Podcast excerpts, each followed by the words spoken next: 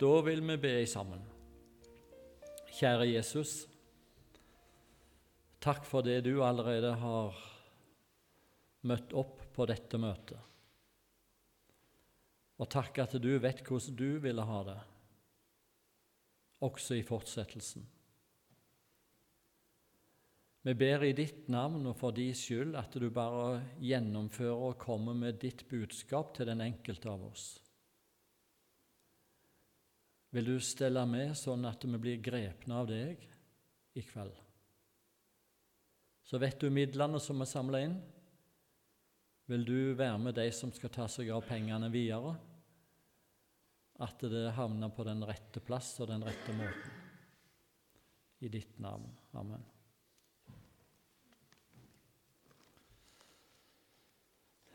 I går kveld så sa jeg innledningsvis at nå skal jeg lese et veldig kjent kapittel. Og det blir det litt av i kveld òg. Det vil si, jeg las jo bare fem vers. Men eh, det er noe litt seinere i Johannesevangeliet. I går var vi i det ellevte kapittelet. Nå hopper vi fram til det fjortende. Og prøv å høre etter, selv om du har hørt det mange, mange ganger. Johannes 14, ifra vers 1. La ikke deres hjerte forferdes. Tro på Gud og tro på meg. I min fars hus er det mange rom. Var det ikke slik, da hadde jeg sagt dere det. For jeg går bort for å gjøre i stand et sted for dere. Og når jeg er gått bort og har gjort i stand et sted for dere, kommer jeg igjen og skal ta dere til meg, for at også dere skal være der jeg er. Og dit jeg går, vet dere veien. Thomas sier til ham, Herre, vi vet ikke hvor du går hen. Hvordan kan vi da vite veien? Jesus sier til ham, Jeg er veien og sannheten og livet. Ingen kommer til Faderen uten ved meg.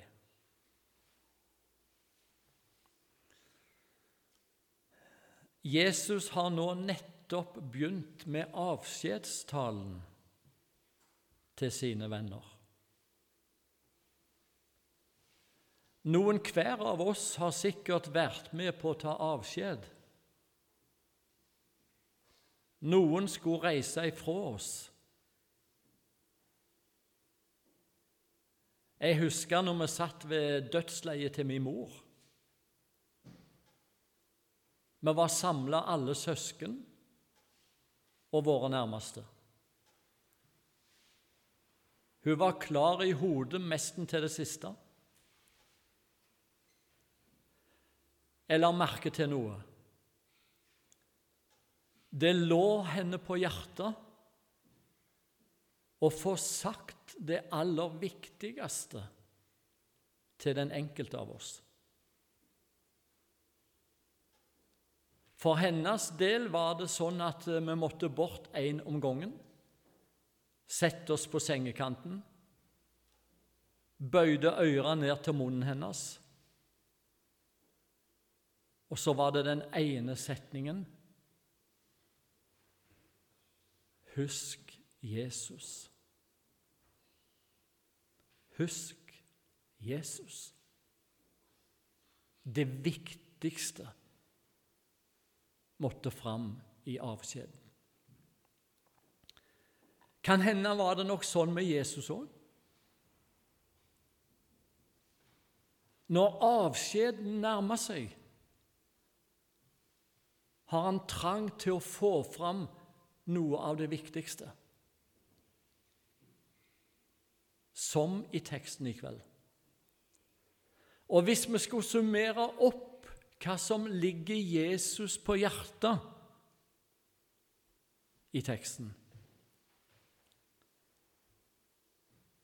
så tror jeg vi er sanne når vi sier det slik. Han prøver å trøste sine venner. Han trøster dem. For eksempel så sier han det slik I min fars hus er det mange rom. Ja, var det ei trøst? Ja, det ligger vel det i det at det er så mange rom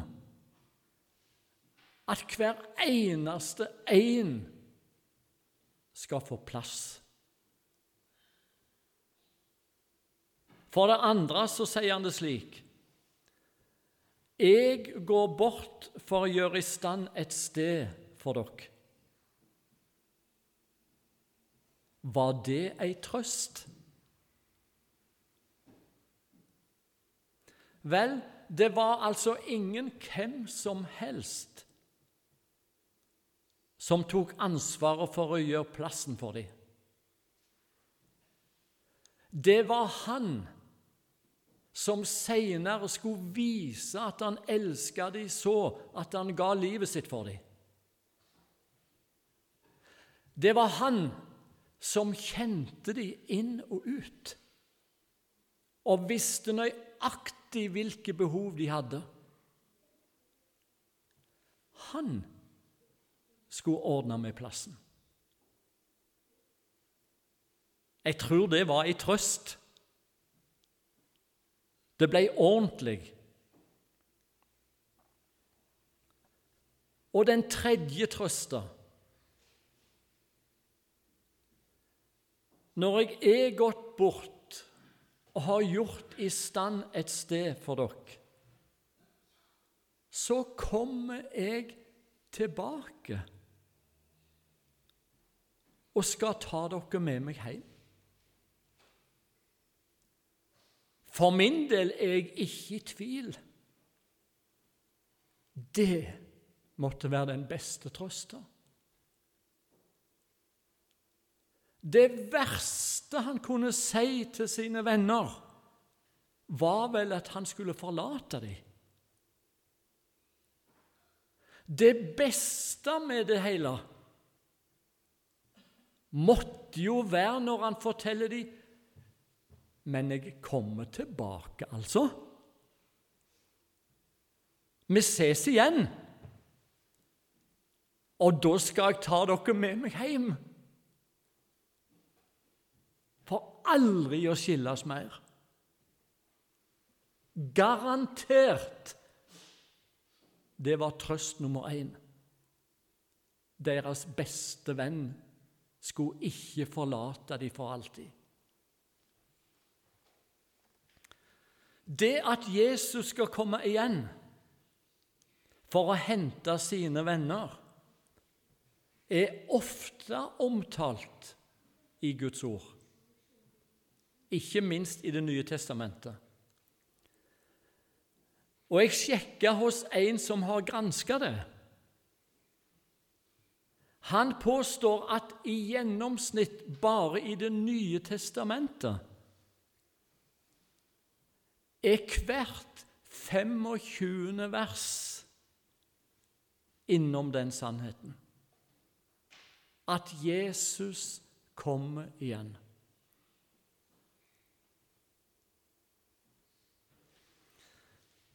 Hvis en i visse sammenhenger nevner at Jesus kan komme snart igjen, har jeg inntrykk at noen liksom tenker 'Å nei, huff a meg'.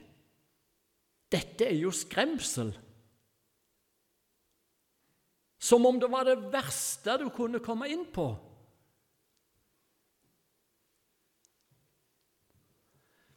I 1. Tessalonikerbrev 4, der det mer detaljert blir beskrevet hvordan det går til når Jesus som brudgom kommer for å hente sin brud i sky, så avslutter han med å si Trøst da hverandre med disse ord. Ikke skrem, men trøst. Det ble nevnt her i dialogen med Per Ove at jeg var blitt en kristen som 18-åring.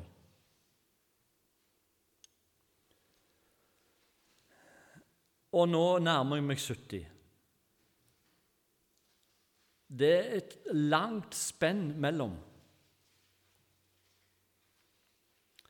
Og for å være ærlig Det er slettes ikke til alle tider at det budskapet at Jesus kommer for å hente sine hjem, har vært ei trøst for meg i mitt kristenliv. Jeg må bare vedgå. Jeg har tenkt i mitt stille sinn ikke kom ennå. Dryg han litt. Og hvorfor har jeg sånne tanker? Jeg har prøvd å analysere det. Jeg har funnet det er to grunner til det. Den ene grunnen det er at jeg har i perioder følt Jeg sier følt og kjent på at jeg har levd for langt på avstand ifra Jesus. Og jeg har merka det har kommet ting inn i livet mitt som har tatt meg og tatt hjertet mitt slik det ikke burde. Og da skulle jeg virkelig ønske jeg ikke kom akkurat nå. Og så er det én grunn til som har gjort at jeg har tenkt slik. Det er med tanke på noen av mine bønnebarn. Noen jeg er veldig glad i, og som klart har gitt uttrykk for dette tror de ikke på. Da av hjertet ønsker jeg ikke kom ennå, Jesus. Gi dem mer tid.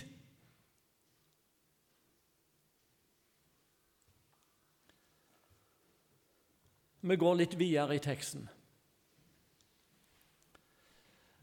Da Jesus har sagt at han skal komme igjen, så sier han og dit jeg går, vet dere veien? Thomas sier til ham, Herre, vi vet ikke hvor du går hen. Hvordan kan vi da vite veien?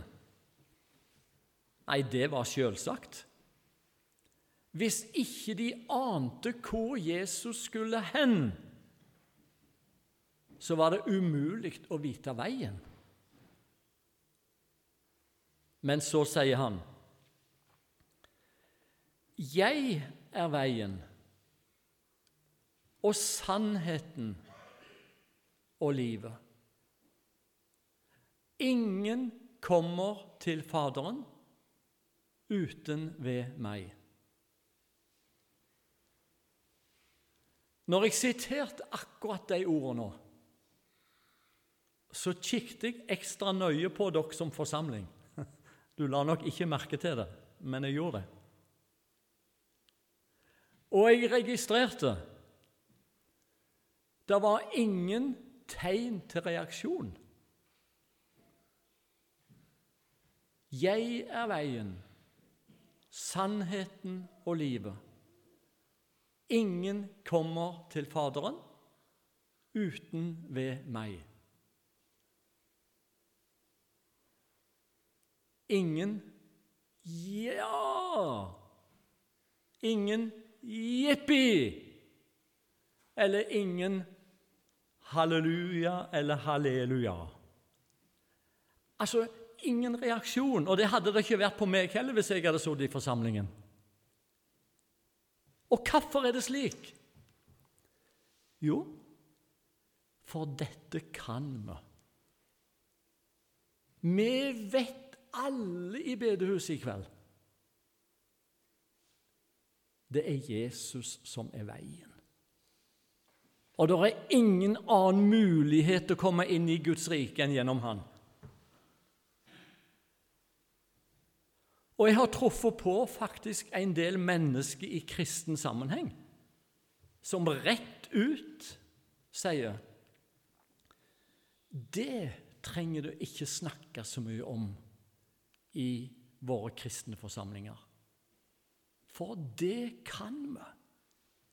Det er barnelærdommen. Igjen og igjen er det blitt sagt Kom heller med noe djupere. Vi trenger noe å vokse på. Og det er sikkert. Vi trenger å bli ført djupere inn i Guds ords sannheter.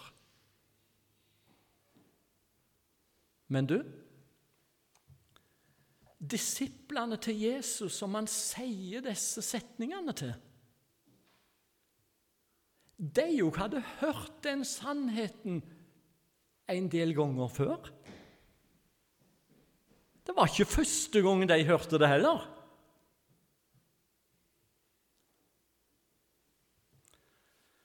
I Johannes 3 kommer det en mann som heter Nikodemus, og besøker Jesus på natta. Da sier Jesus fram den lille Bibelen så har Gud elsket verden at han ga sin sønn den enbårne, for at hver den som tror på ham, ikke skal fortapes, men ha evig liv. Det var Nikodemus som var alene med Jesus. Han var jo ikke blitt noen disippel. Nei, men det kom fram etterpå, så de andre hørte det. Seinere i samme kapittel, i det siste verset i Johannes 3, så sier Jesus Den som tror på Sønnen, har evig liv. Den som ikke vil tro på Guds sønn, skal ikke se livet, men Guds vrede blir over ham. Det er det samme han sier der. Og i det tiende kapittelet hos Johannes Jeg er døren. Bestemt form entall, ingen andre dører. Jeg er døren. Den som går inn gjennom meg, blir frelst. Og så kommer han med det her igjen i det 14. kapittelet. Og følger du han sammen med sine disipler lenger ut i kapitlene, så får de hørt det igjen og igjen og igjen.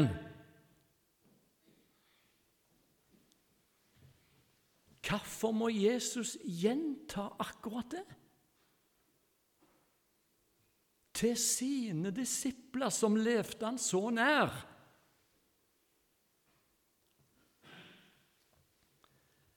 kan det ha sammenheng med at vår natur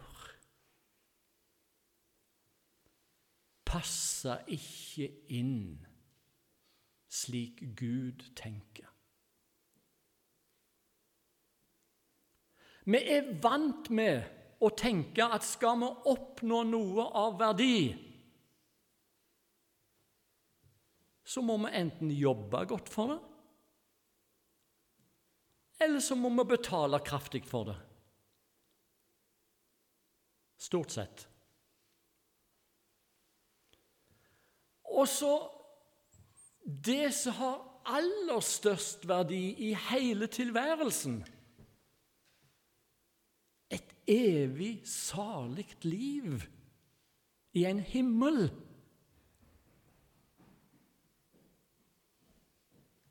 Da skulle en ha betalt og jobba ekstra for å få del i det. Men så snur Gud alt på hodet.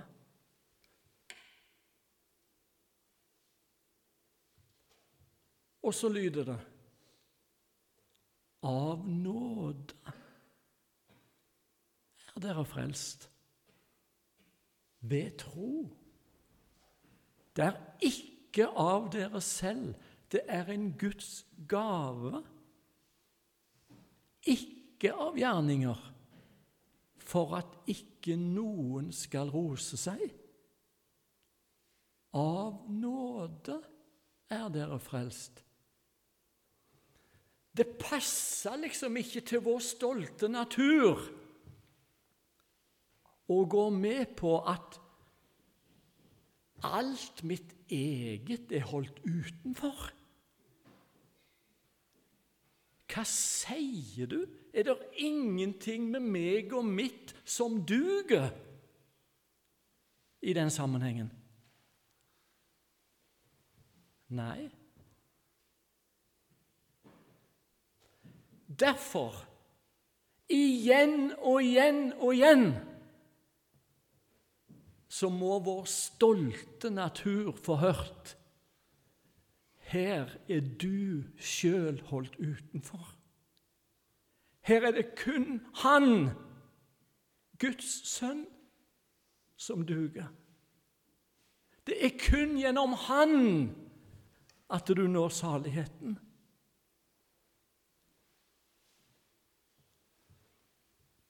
Jeg mener det av hjertet. Jeg håper virkelig at ikke vi som enkeltkristne eller forsamlinger noen gang blir lei av å høre om Jesus som den eneste veien.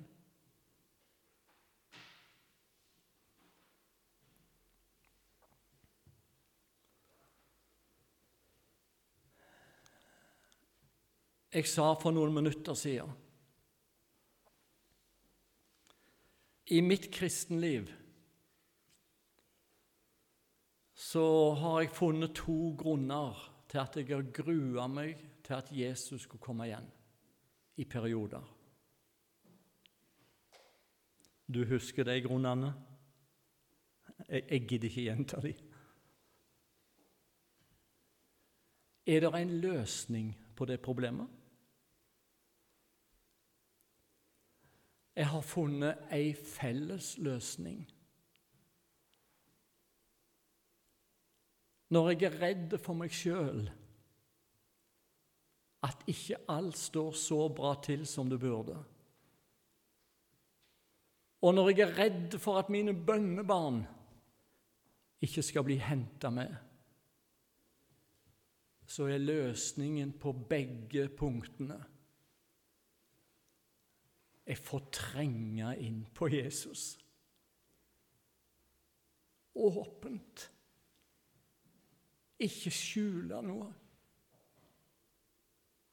Du vet alt, Jesus. Og så kan jeg sette ord på det, hvordan jeg har det.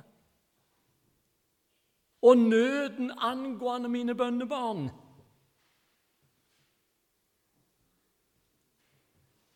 Kast på Herren det som tynger deg. Og så har han lovt Den som kommer til meg, vil jeg slett ikke støte ut.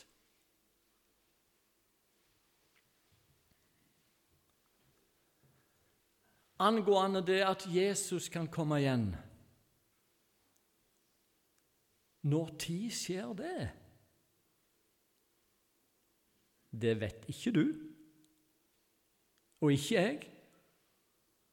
Åleine min far i himmelen vet det, sa Jesus. Men så er det forskjellige syn ute og går. Noen mener at først må det oppfylles, Og så må det oppfylles.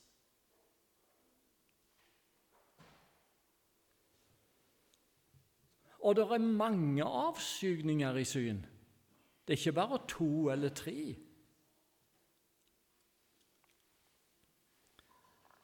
I kveld tenkte jeg litt på hvordan Paulus nevner det i 1. Tessalonika-brev, som jeg siterte litt ifra tidligere.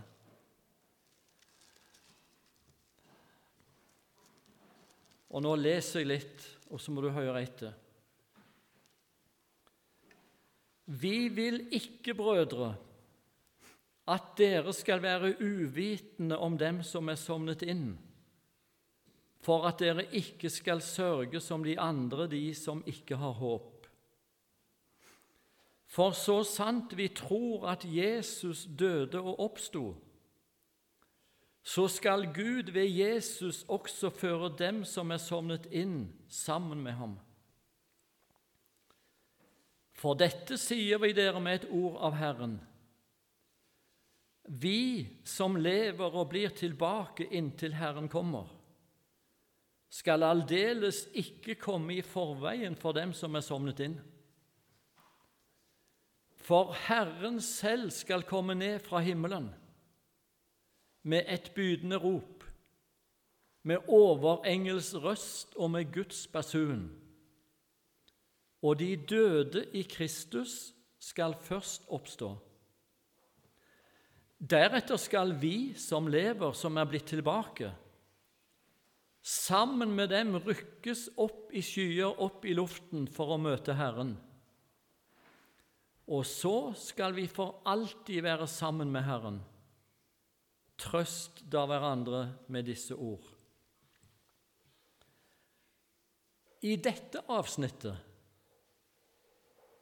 hva er det Paulus venter på?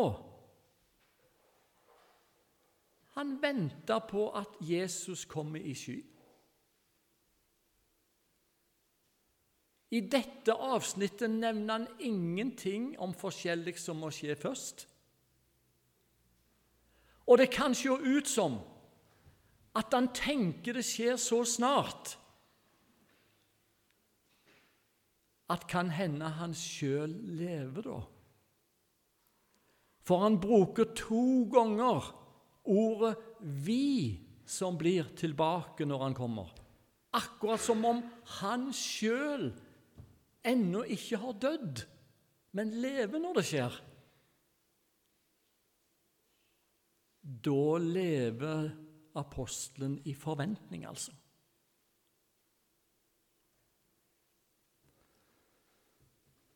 Jeg husker når jeg var nyfrelst. Da var det på teltmøte og bedehusmøte bortover Jærbygdene veldig ofte snakk om at Jesus skulle komme igjen. Og Jeg husker forresten en episode fra før jeg ble en kristen. Mine foreldre ble omvendt ett års tid før meg, halvannet år før meg. Det var vekkelsestider utover Jæren òg da. Og så hadde de begynt å vitne for meg og prøvd å påvirke meg òg til å tro på dette, hvilket jeg ikke gjorde. Men det satt nok noe i.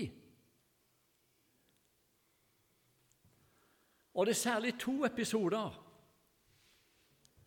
Den ene det var jeg kom litt hjem tidlig en søndagskveld. Og jeg fant ingen andre hjemme. Og de skulle jo være hjemme da. Og jeg ropte og gikk fra rom til rom. Ikke liv. Vet du hvor tosken jeg var? Jeg åpna til med skapdør og kikket under senga om hun trodde de hadde forvilla seg der. Ingen. Og tanken ljog gjennom meg. Åh, nå har det altså skjedd. Det var sant. Jesus har gjerne henta deg hjem. Og så går jeg her.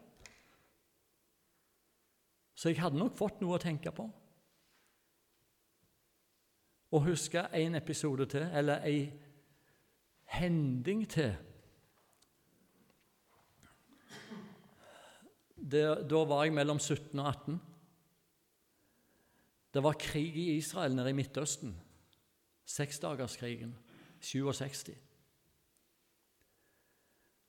Og jeg hadde jo fått dette med Jesus og kristendom inn i heimen, svirra rundt meg på alle kanter. Og tanken kom ja, ja, nå braker det løs det de har fortalt meg om.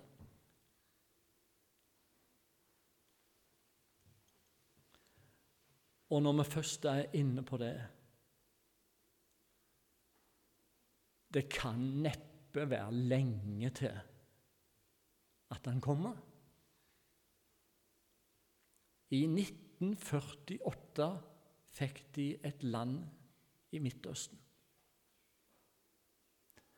Tenk på alle de som har drømt om og sett fram til og prata om og profetert at jødene skulle få komme tilbake til et land i Midtøsten.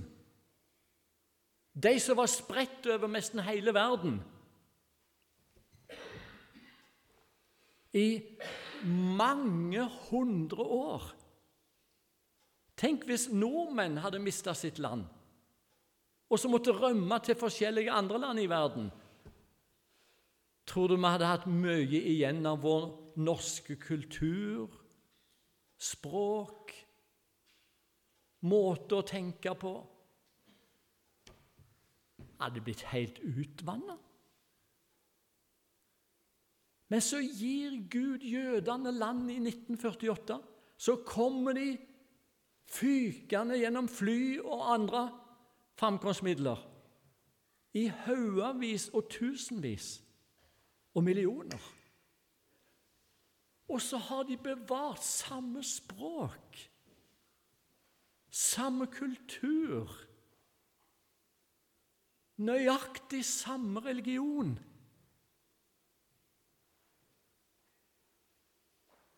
Det er ikke forandra. Og så har Bibelen talt noen ord om at lilleviseren på Guds urskive, det er Israel. Og så lever du og meg i ei tid der de har bodd i et land der nede siden 1948, i mange tiår. Og da nærmer det seg. Tenk på så ofte Midtøsten og Israel er i verdensbegivenhetenes sentrum. Bare tenk den lille flekken. Han lever nok ennå. Den gamle av dager. Han passer på, du. Han vet om dagen. Han vet hva tid det skjer. Og så har jeg truffet på noen mennesker òg som nesten flirer når vi påstår at det, det som står i det tekstavsnittet i Tessalonika-brevet, det tror vi på. Og noen sier rett ut Tror du virkelig at de døde i Kristus skal først oppstå, altså de som ligger i jorda, har ligget der i 50 år, i 100 år, i 1000 år. De døde i troen på Han. Tror du at det er noe igjen av dem? Det er bare moll. Ja vel. Men da har jeg tenkt på det vi leser om i begynnelsen av bibelboka vår. Da Gud skapte mennesket, så talte han ord. Men han gjorde noe mer. Han tok noe av jordens støv, moll, og så ble det sannelig liv. Kan skjønne han kjenner sine, han får tak i dem. Men da blir det et nytt og et herliggjort legeme. Og nå har jeg vært på mange gilde misjonsstevner opp gjennom åra. Det har sikkert du òg.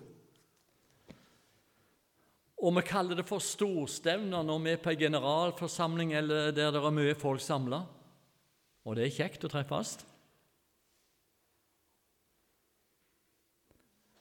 Men det stevnet, det stevnemøtet som blir i lufthimmelen, det øyeblikket,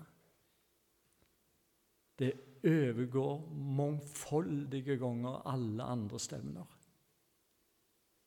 Kan du tenke deg? Først de døde i Kristus. Deretter vi som måtte leve da, rykkes opp sammen med dem. Der treffes vi. Med brudgommen. Jeg vil tro det er noen fra Volda og en del sunnmøringer og rogalendinger. Der er noen etiopere fra Kenya, fra Tanzania, fra Sør-Amerika, fra Asia. Det var noen som nådde ut til dem med et enkelt budskap om at Gud hadde ofra sin sønn og gjort opp for all synd han er sterkere enn Satan. Og så trodde de på det. Enkelt. Han kjenner sine. Og du, nå er møtet vårt snart slutt på bedehuset i kveld, i Volda. Ennå har ikke Jesus kommet slik i skyen. Men om han skulle komme før møtet tar slutt, da håper jeg virkelig at hver eneste stol blir tom. At ingen blir sittende igjen. Du vet hvordan du har det. Jeg vet hvordan jeg har det.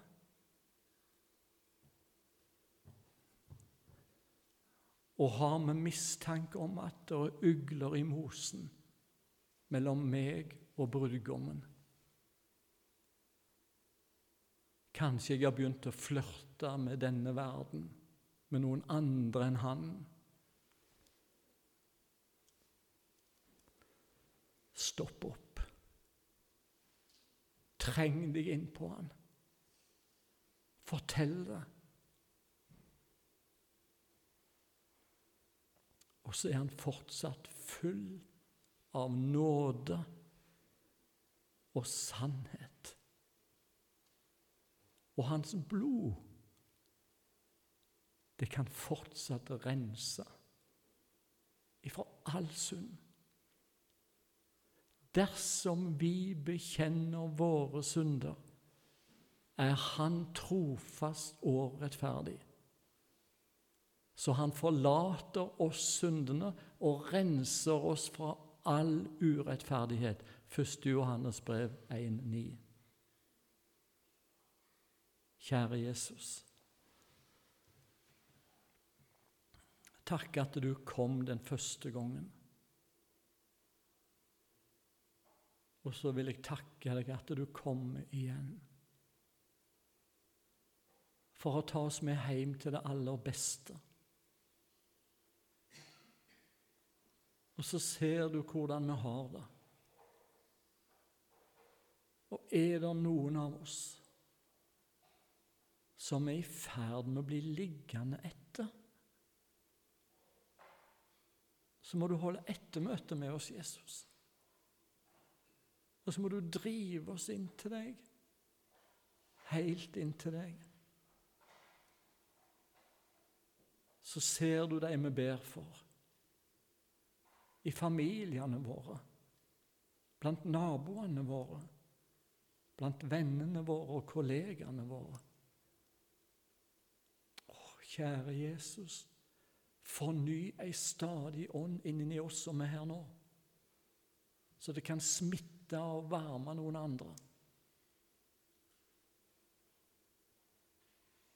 Og det ber jeg om i ditt navn.